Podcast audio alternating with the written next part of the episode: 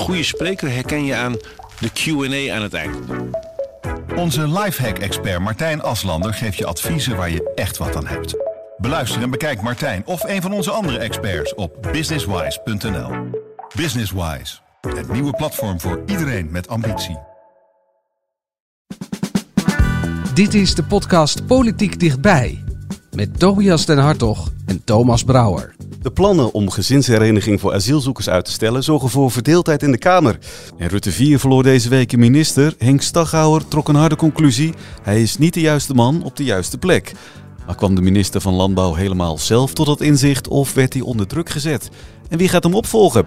Dat en meer bespreek ik met Tobias den Hartog en Marcia Nieuwenhuis. Tobias, eh, minister van Landbouw, iets voor jou? Ik moet er niet aan denken. Lijkt me echt verschrikkelijk. Wat een, wat een hondenbaan is dat. Eh, Altijd al, denk ik. Maar nu is het echt... Nee, ondoenlijk.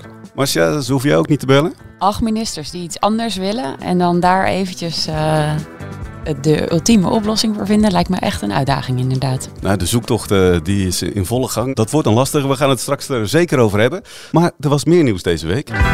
Het gaat hier over het nemen van verantwoordelijkheid. En er hoort het nemen van hele moeilijke, pijnlijke beslissingen bij.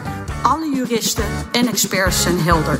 Dit is juridisch niet houdbaar. Als er echt geen plek is en het kan niet, dan zullen we deze maatregel moeten nemen. We zijn toch geen bananenrepubliek? Dit zijn rotbesluiten om te nemen, maar noodzakelijke besluiten om te nemen. Ja, er werd donderdag in de Tweede Kamer lang gedebatteerd over het asielakkoord. Volgens die deal mogen asielzoekers met een verblijfsvergunning hun gezin pas naar Nederland halen als ze een huis hebben. Waarom is hier zoveel discussie over, Tobias? Nou, het is een, het is een beetje een, eh, het is een juridische kwestie. Kijk, je hebt volgens het Europese recht, Europese verdragen, heb je recht op, het heet dan recht op gezin. Dus je, je, je hebt een gezin en daar mag je dan ook mee samenleven. Hè? Dat is eigenlijk een, een soort fundamenteel, fundamenteel internationaal recht. En er is ook een ander grondrecht en dat is het recht op een huis, een dak boven je hoofd. En die twee, ja, die twee eh, eh, rechten botsen hier, want eh, het kabinet en de re- regeringspartij hebben gezegd, ja, wij kunnen mensen niet dat dak boven hun huis bieden, dus heeft het ook heel weinig zin om mensen de recht op, oh, recht op gezin toe te kennen. Want ja, dan zit je in een noodopvang en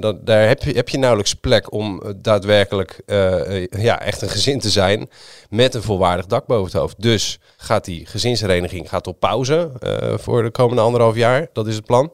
En dan komen die mensen wel hierheen in de tussentijd, mits er een huis is. Ja, en dat is er nu niet. Er zijn geen woningen. We hebben tekort. Dus daarmee komt de gezinshereniging eigenlijk in een soort pauzestand terecht.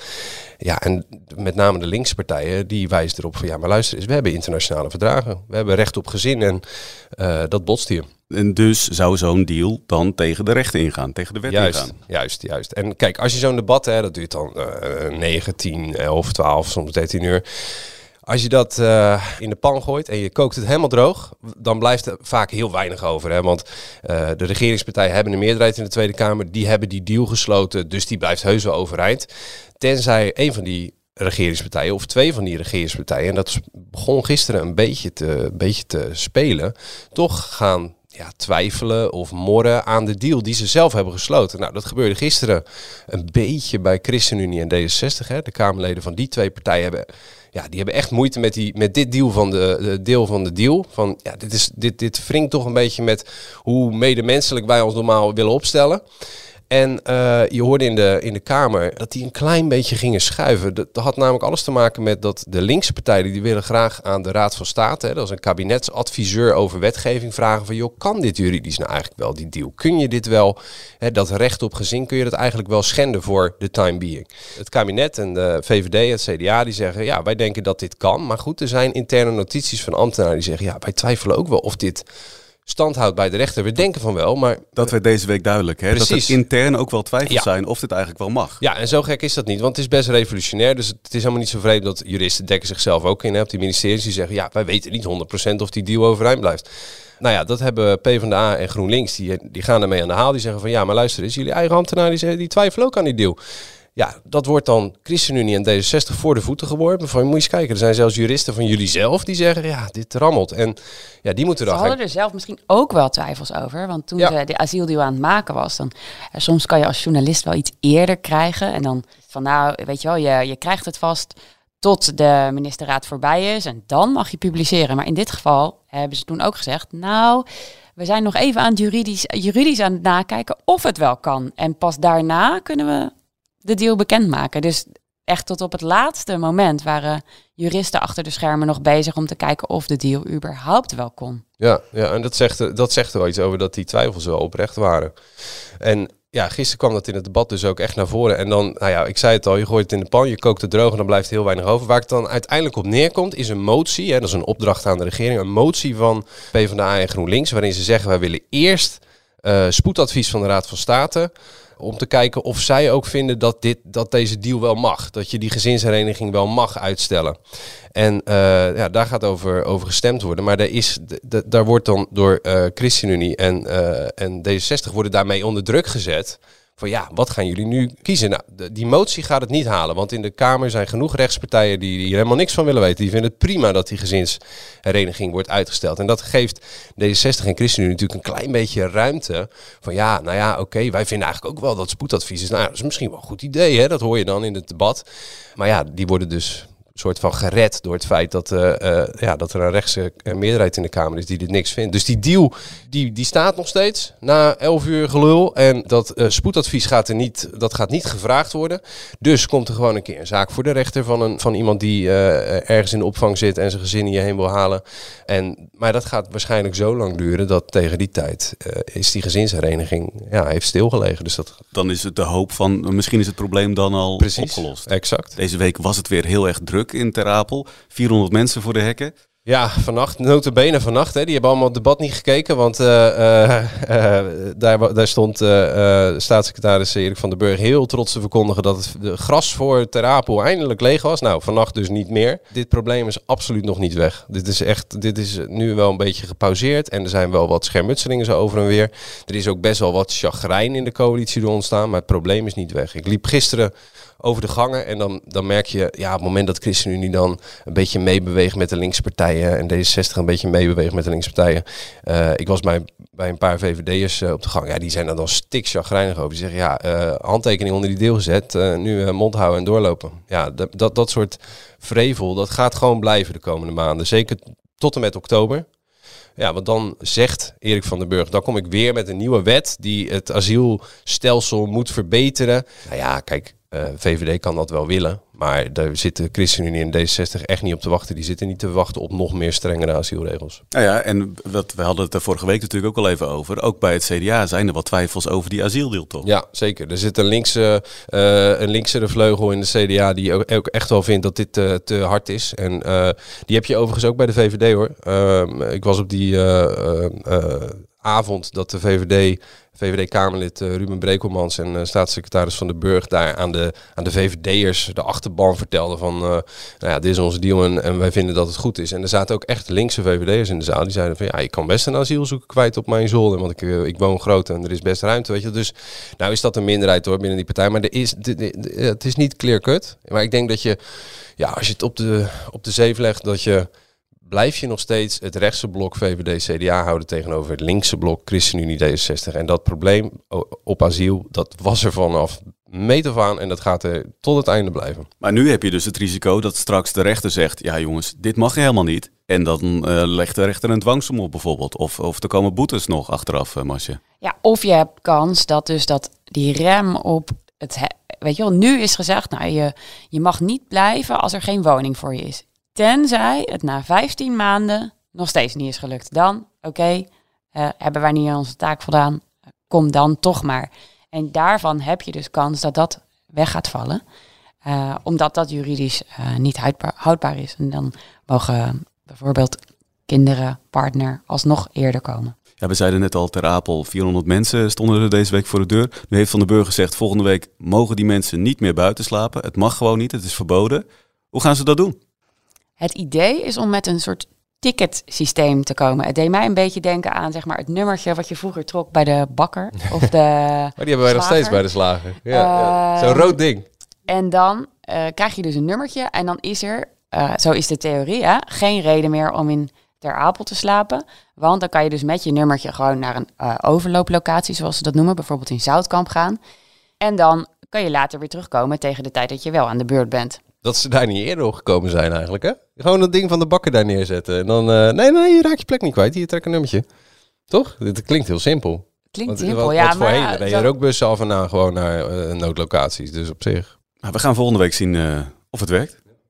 Ja, Henk Staghouwer, die stapte begin deze week op als minister van Landbouw. Heel even luisteren. En ik heb mezelf de vraag gesteld: ben ik de juiste persoon om als minister van Landbouw, Natuur en Visserij, voedselkwaliteit, leiding te geven aan de opgaven die er liggen? En ik ben de afgelopen weekend tot de conclusie gekomen dat ik die persoon niet ben. Terechte conclusie? Ja, ik denk het wel.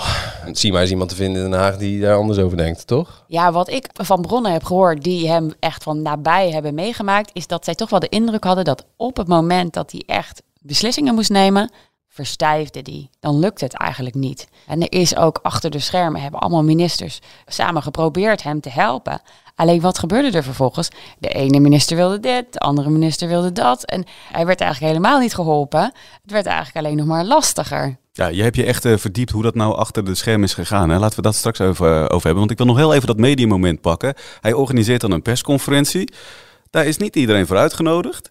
Dan geeft hij een verklaring. Wil hij geen vragen beantwoorden? Dit was toch een heel raar moment eigenlijk. Nou, het was schandalig, want ik stond mijn tuin te sproeien. Dus dat, dan gaat mijn telefoon in de keuken. Ik hoor een paar keer. Ik denk, nou, dan is het serieus. Ik had ook een soort invaldienst als chefje. Dus dan denk ik, oh shit, nou dan moet ik hem wel even gaan pakken. Dus ik ren naar de keuken. Nou, ik bel terug. Oh, staghouder is opgestapt. Niemand zag het die dag aankomen. Hij had notabene een paar uur daarvoor had hij nog een, een derogatiedeal met Brussel gesloten. Het gaat over hoeveel mest boeren mogen uitrijden. Nou, daar, dat, dat, dat was best een aardige deal. Had hij niet slecht gedaan. Dus dat heeft hij nog als een soort van cadeautje achtergelaten. En een paar uur later tre- treedt hij af. Dus wij waren tamelijk overvallen. Wat niet erg is. Hè? De media hebben nergens recht op. Dus dat geeft helemaal niks. Maar wat wel raar is, en dat is ja, toch wel een beetje een, iets wat je vaker ziet de laatste jaren. Een minister die eh, is eigenlijk, ja, laten we wel wezen, hij zit daar namens de Tweede Kamer. Het is gewoon een, een, een bedrijfsleider die is aangesteld door, de, door, het, door het personeel, door de Tweede Kamer. En eh, als hij niet goed eh, functioneert, dan stuur je hem weg en dan doe je een ander. Maar het is wel usance eigenlijk om gewoon in de Tweede Kamer je verantwoording af te leggen en, en dan te concluderen na een debat bijvoorbeeld, ja, het was niet goed genoeg en ik moet weg. En nu doet hij dat met een, met een persmoment, neemt geen vraag aan en verdwijnt als een dief in de nacht. Ik vind dat niet heel stijlvol, moet ik zeggen. Maar goed, misschien heel ouderwets gedacht hoor. Maar ik, dat, ja, het, is niet, het is niet zoals de constitutionele verhoudingen zijn. Je legt verantwoording af aan de Tweede Kamer. En dan, ja, en dan zal blijken of je voldoende steun hebt. Nou, dat, dat was het waarschijnlijk dan niet het geval geweest. Maar ja, jammer dan. Zo is het wel hoe het gaat. Kijk, dat ik mijn tuin sta te sproeien zo erg niet. Maar voor de Tweede Kamer, ja, vind ik niet heel chic eigenlijk. Voor een, een chique, toch, een- ja, een chique partij als ChristenUnie. Ja, was dit nou echt een geregisseerd afscheid? Is hier lang over nagedacht, denken jullie? Ik denk dat echt heel snel is gegaan. Want toevallig zat ik de week daarvoor nog bij eh Henk Staghouwer met een eh, woordvoerder erbij. En waren ze echt bezig met het, de operatie Herstel Henk. Dus eh, hij zei bijvoorbeeld van, ja, ik ben Jesse Klaver niet, ik ben niet zo'n debater, maar ik ga wel meer Henk laten zien. Dat was nog op de dinsdag daarvoor. Dus dat is echt ultra snel gegaan. Wat is er dan in die zes dagen gebeurd? Of eigenlijk nog korter, want hij zou het in het weekend hebben besloten dat hij toch niet de juiste man op de juiste plek was. Volgens mij was de druppel die de emmer deed overlopen op donderdag. Donderdag is er een bijeenkomst geweest met allemaal ministers. En daarover zegt zelfs Landbouw zelf, dit was een moeizame bijeenkomst. Nou ja, als Landbouw dat zelf al zegt, hè, dan kan je wel nagaan dat het echt een pijnlijke setting is geweest. En daarna heeft hij dus op vrijdag tegen zijn partijleider Gert-Jan Segers gezegd, ik stop ermee. Dus daar is echt een kanteling geweest in eh 24 uur. Ja, wat, wat even ter achtergrond hè, van de mensen die Staghouwer niet kennen, en dat zullen er velen zijn, en die zijn opdracht niet kennen. Kijk, hij had eh, in, eh, correct me if I'm wrong, hè, Marcia, maar voor de zomer, volgens mij in juni, heeft hij echt te horen gekregen van de Tweede Kamer. Kijk, het was zijn opdracht om naast Christiane van der Wal van de VVD, die, die moet dat stikstofreductie er doorheen rammen. En Staghouwer was van de zachte kant, die zou de boeren perspectief, perspectief gaan geven. Nou, dat heeft hij geprobeerd in juni. Dat is mislukt, want de Kamer zei, ja, eh, dit, dit, zijn, dit is zo'n vage brief, zulke vage plannen, hier kunnen we helemaal niks mee. Ga je huiswerk overmaken. En daar was hij eigenlijk mee bezig, precies wat Marcia zegt. Acht ministers ingevlogen om daarbij te helpen. Ja, en er zat gewoon geen verbetering in. Nee, vrijdagmiddag is al besloten van die, die perspectiefbrief, die dus op eh, vrijdag zou komen, die komt niet. Eigenlijk heeft toen al, is toen al duidelijk geworden dat eh, het hem niet ging worden. Want de Kamer, echt een hele grote meerderheid in de Kamer, hè, 144 van de 150 zetels. Bedoel, eh, meer wordt het bijna niet. Heeft toen gezegd van je moet dat huiswerk overdoen en wel voor Prinsjesdag. Maar doordat Remkes ook zijn taak heeft uitgebreid, Remkes is niet alleen gaan kijken naar wat is een mogelijke uitweg voor de boeren, maar heeft daar ook bij betrokken wat kunnen wij de boeren in de toekomst nog bieden. Ja, daar, daar, daarmee is eigenlijk ook het hele gras voor de voeten van de minister van Landbouw, om toch een beetje in uh, landbouwtermen te blijven, weggemaaid. Het waren dus ook niet de makkelijke maanden deze zomermaanden voor hem. Hij krijgt adviezen van allerlei ministers. Er is eigenlijk een heel poeltje om hem heen van ministers die hem adviezen geeft. Dan heb je ook nog Remkes die eigenlijk ook nog een deel van zijn taak op zich wil nemen. Dit lijkt toch alsof of het eigenlijk al een, kansloze missie was deze zomer voor hem. Ja, en wat ik, wat ik heb gehoord van uh, nou, zowel ambtenaren als van uh, andere bronnen rond, de rond het kabinet, is dat uh, er ook echt lang aan is gewerkt om hem bijvoorbeeld uit te leggen van wat staat er nou eigenlijk in dat coalitieakkoord. Er zijn zelfs presentaties gegeven door de leden van de coalitie aan hem om dat nog eens uit te leggen. Ja, dat dat klinkt toch niet vrij. Maar dat klinkt toch alsof er echt een totaal verkeerde keuze is gemaakt door deze man op deze plek te zetten. Ja, en ik moet eerlijk zeggen dat ook uit zijn uh, directe omgeving, toen hij was gevraagd door Gert-Jan Segers, helemaal in het prille begin dus, wel is gezegd van Henk, zou je dat nou wel doen? Weet je wel, is het niet iets te hoog gegrepen? Nou ja, dat, dat, dat is het misschien dan toch. Ik bedoel, dit was ook een moment waarop je, denk ik, als minister echt met de vuist op tafel had moeten slaan. En had moeten zeggen, ja, hoor eens jongens, het moet gewoon afgelopen zijn. Jullie willen allemaal wat anders. Laat mij nou, ik, ik ben de minister van Landbouw en ik ga komen met een uh, oplossing of met perspectief.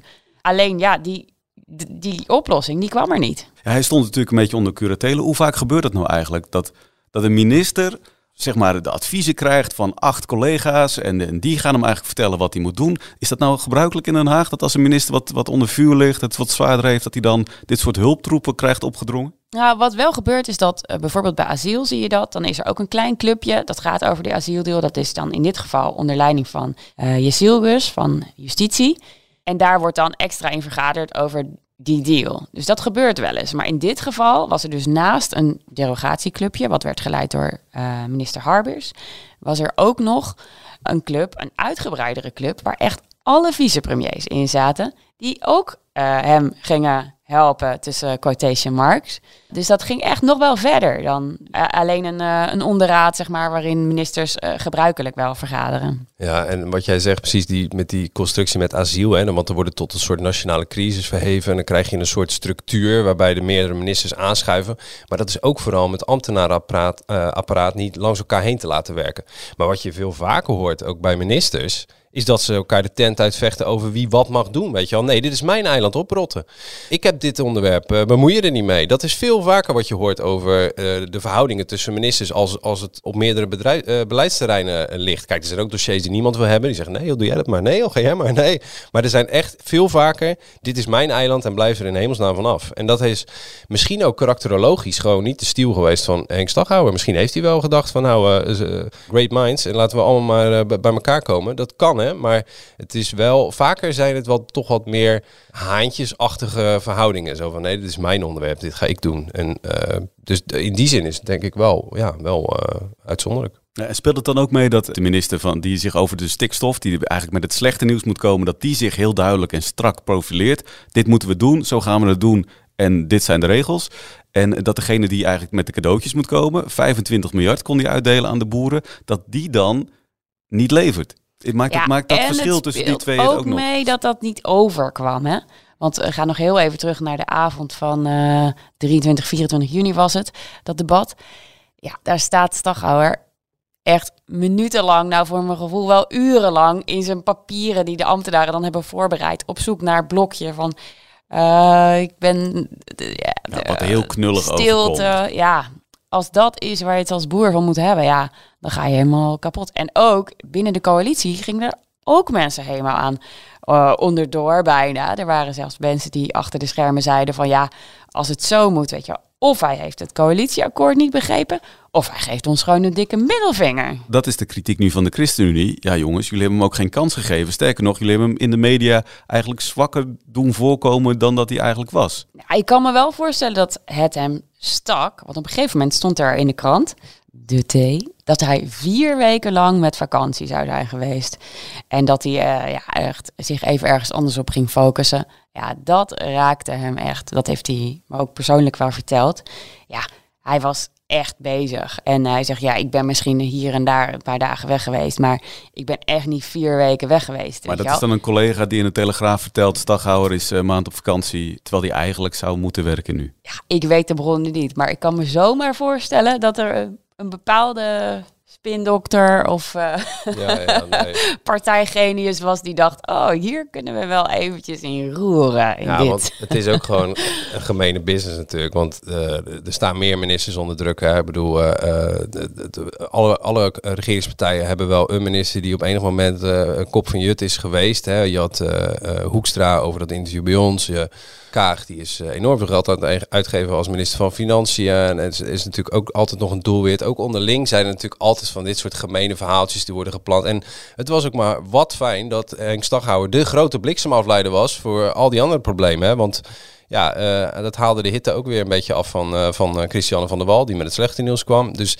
ja, regeringspartijen hebben natuurlijk allemaal netjes een tweet gestuurd met... oh, we vinden het zo vreselijk en wat hebben we fijn samengewerkt. Maar laten we wel wezen, zolang hij zeg maar het, het, het kruis droeg, vonden ze het ook wel best.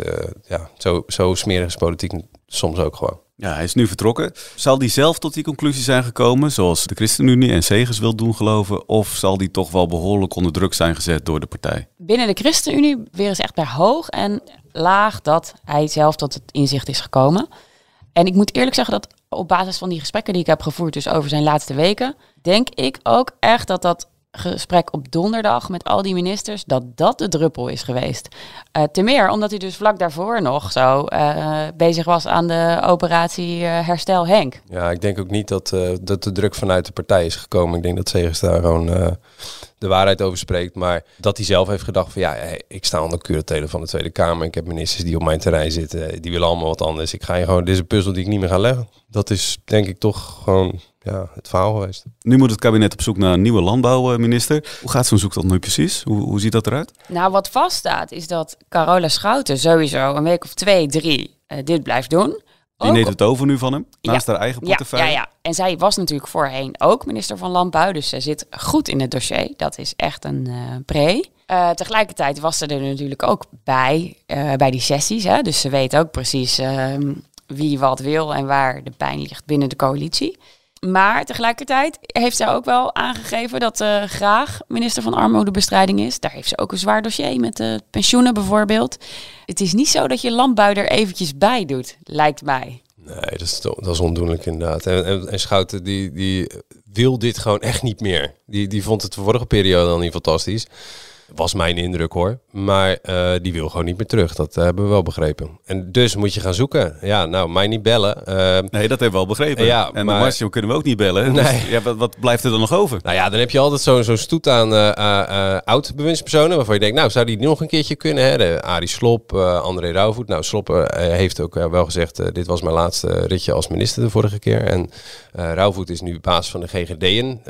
nou ja, goed, misschien dat hij het wel zou willen. Maar die, die, die heeft op zich een, een En dan zijn er nog wat uh, mensen die, uh, die wij, allemaal, wij allemaal niet uh, bij naam kennen of vaak noemen, maar die wel gebeld zullen worden. Denk aan oud-secretaris, staatssecretaris Paul Blokhuis, hè, die zoiets bekender. Maar je hebt ook nog bestuurders binnen die partij, voor oud-voorzitter Piet Adema, allemaal dat soort namen. Maar er zat Andries een, Heidema bijvoorbeeld, de commissaris van de Koningin in Overijssel. zijn met, ja, dat is dus met, dat... met namen, maar ook met, met, met kwaliteiten die dan wordt ja. gezocht. Want het is dus een moeilijk dossier, het is niet makkelijk. Nee. Je komt onder grote druk te staan, je wordt misschien nog wel bedreigd ook, daar moet je ook ja. tegen kunnen. Zeker. Nou ja, dat is ook wat Zegers zei. We gaan indringende gesprekken voeren met uh, of, of mensen dit ook echt aankunnen. Want je moet wel eventjes van tevoren weten waar je voor tekent. Dat is niet, uh, uh, je gaat niet op een anoniem bedrijfsterrein in Epen zitten. Dit is vol in de aandacht, vol in de kritiek en alles onder tijdsdruk ook nog. Dus het is, dat is wel een baan waar je, nou ja, even over na moet denken. Ja, één naam die uh, kan Segers alvast uh, schrappen. Dat is die van Pieter Grinwis, Tweede Kamerlid voor de ChristenUnie. Die zat uh, deze week bij op één. En Peter K., dat is de politiek commentator daar, die vroeg hem of hij misschien interesse zou hebben. Maar daar zit hij. Ik bedoel, ervaringsdeskundige. Is dit een post? ik praktiseer er niet over. Dat wordt hem dus niet? Nee, dat wordt hem niet. Nee, ja, zoon van een akkerbouwer ook. Dus uh, op Goeree volgens mij. Dus op zich een, uh, een, kan en een hele slimme jongen. Een rekenaar ook nog eens. Dus het, het is wel ja, ik, ik, snap die vraag van Peter uh, Wel. Van ja, uh, nou misschien wat voor jou. Maar nee, hij, hij wil echt niet. En uh, dat, dat, dat begrijp ik ook ergens wel. Pieters expertise zit echt ook wel in het financiële pakket. En daar is echt genoeg te doen. Maar dit, dit ja, dit, ik denk dat Segers gaat bellen. En dat hij meer van dit soort reacties gaat krijgen. En wanneer kunnen we dan een nieuwe minister verwachten? Nou ja, zeker. Dus nog twee weken niet. En daarnaast is het nog even afwachten. Ja, wat het ook niet makkelijker maakt, was die uitspraak van de Raad van State deze week. Hè? Hoe, hoe zat dat precies? Nou, de hoogste bestuursrechter die twijfelt aan het effect van die emissiearme melkveestallen. En dat vonnis kan echt verstrekkende gevolgen hebben voor alle boeren die koeien houden. Uh, de Raad van State die oordeelde namelijk dat drie Utrechtse melkveehouders die meer koeien wilden gaan houden door die stikstofbesparende stallen, dat die geen vergunning krijgen om dat te doen. Want uit die kritische rapporten blijkt dat het twijfelachtig is of die stallen nou daadwerkelijk zorgen voor minder ammoniakuitstoot. En tot nu toe ging in de vergunningverlening gingen ze daarvan uit. Van oh, maar met zo'n innovatieve stal, nou dan hoef je je geen zorgen te maken, want dan is de ammoniakuitstoot, eh, het valt reuze mee. Maar dat is dus niet zo volgens de Raad van State. Met deze uitspraak, dus dat dat eigenlijk helemaal niet zo innovatief blijkt, zeg, zeggen ook de, deskundigen, bijvoorbeeld Ralf Frins van de Radboud Universiteit, met deze uitspraak kun je eigenlijk elk systeem waarover twijfels zijn ter discussie stellen. Dus die innovaties blijken helemaal niet zo innovatief. Uh, ik vond het wel aardig, Laura Bromet van uh, GroenLinks, die vergeleek het met de Schumel-sigaretten. Die bleken in, de, in het lab, zouden ze zogenaamd best wel schoon zijn, maar in de praktijk was het niet waar.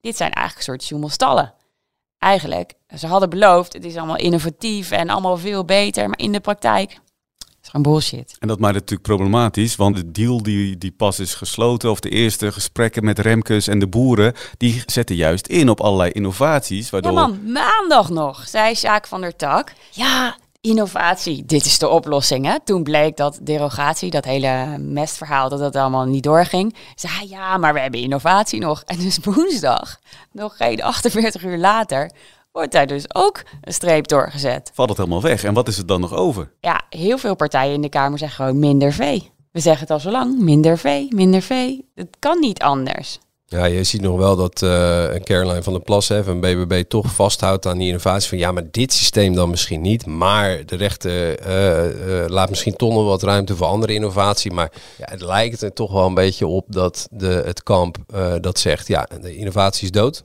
Dat dat nu wel weer een, een extra ja, wapen in handen heeft. En dat maakt het voor Remkes natuurlijk wel moeilijker, want die heeft nu één route uh, minder of één vluchtheuveltje minder te kiezen in zijn onderhandelingen met, met de boeren.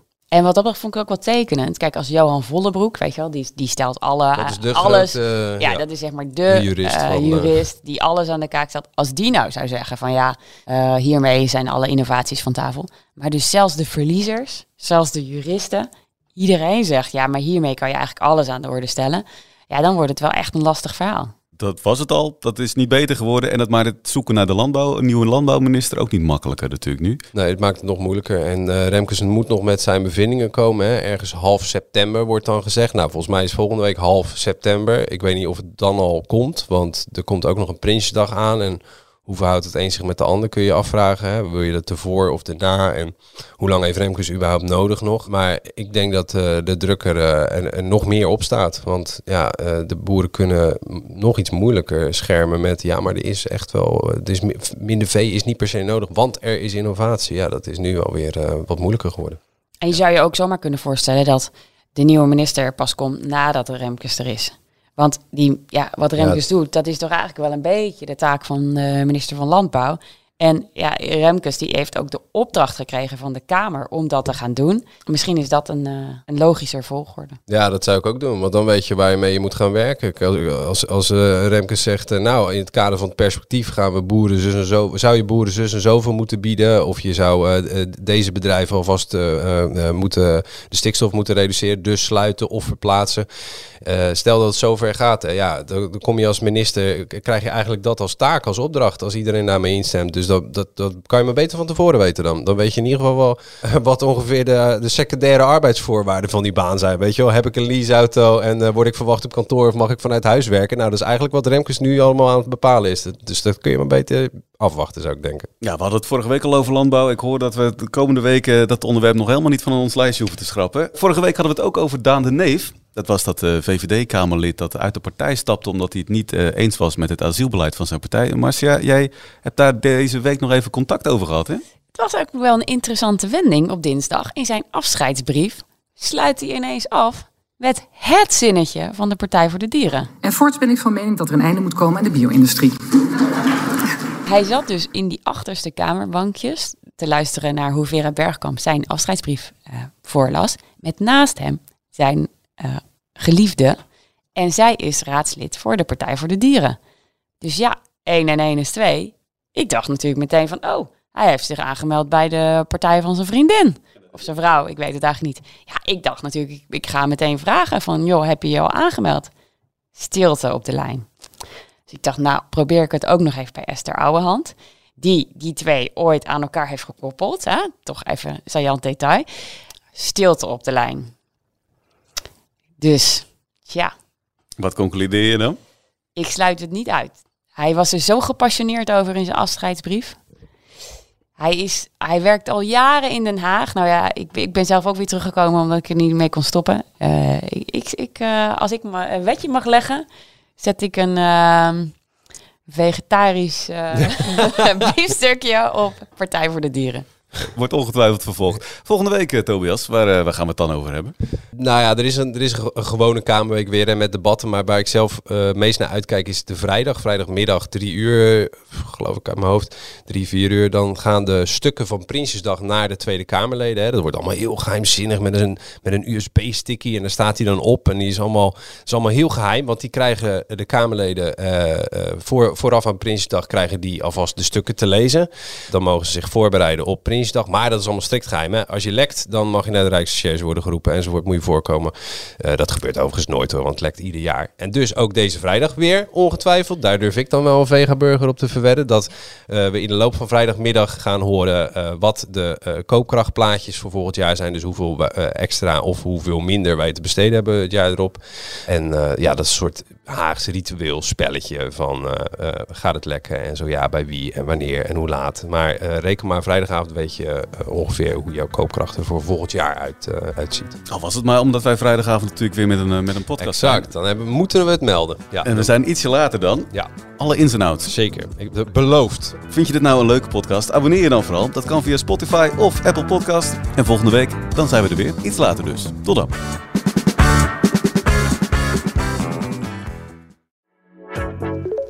Goede spreker herken je aan de Q&A aan het eind. Onze lifehack-expert Martijn Aslander geeft je adviezen waar je echt wat aan hebt. Beluister en bekijk Martijn of een van onze andere experts op businesswise.nl. Businesswise, het nieuwe platform voor iedereen met ambitie.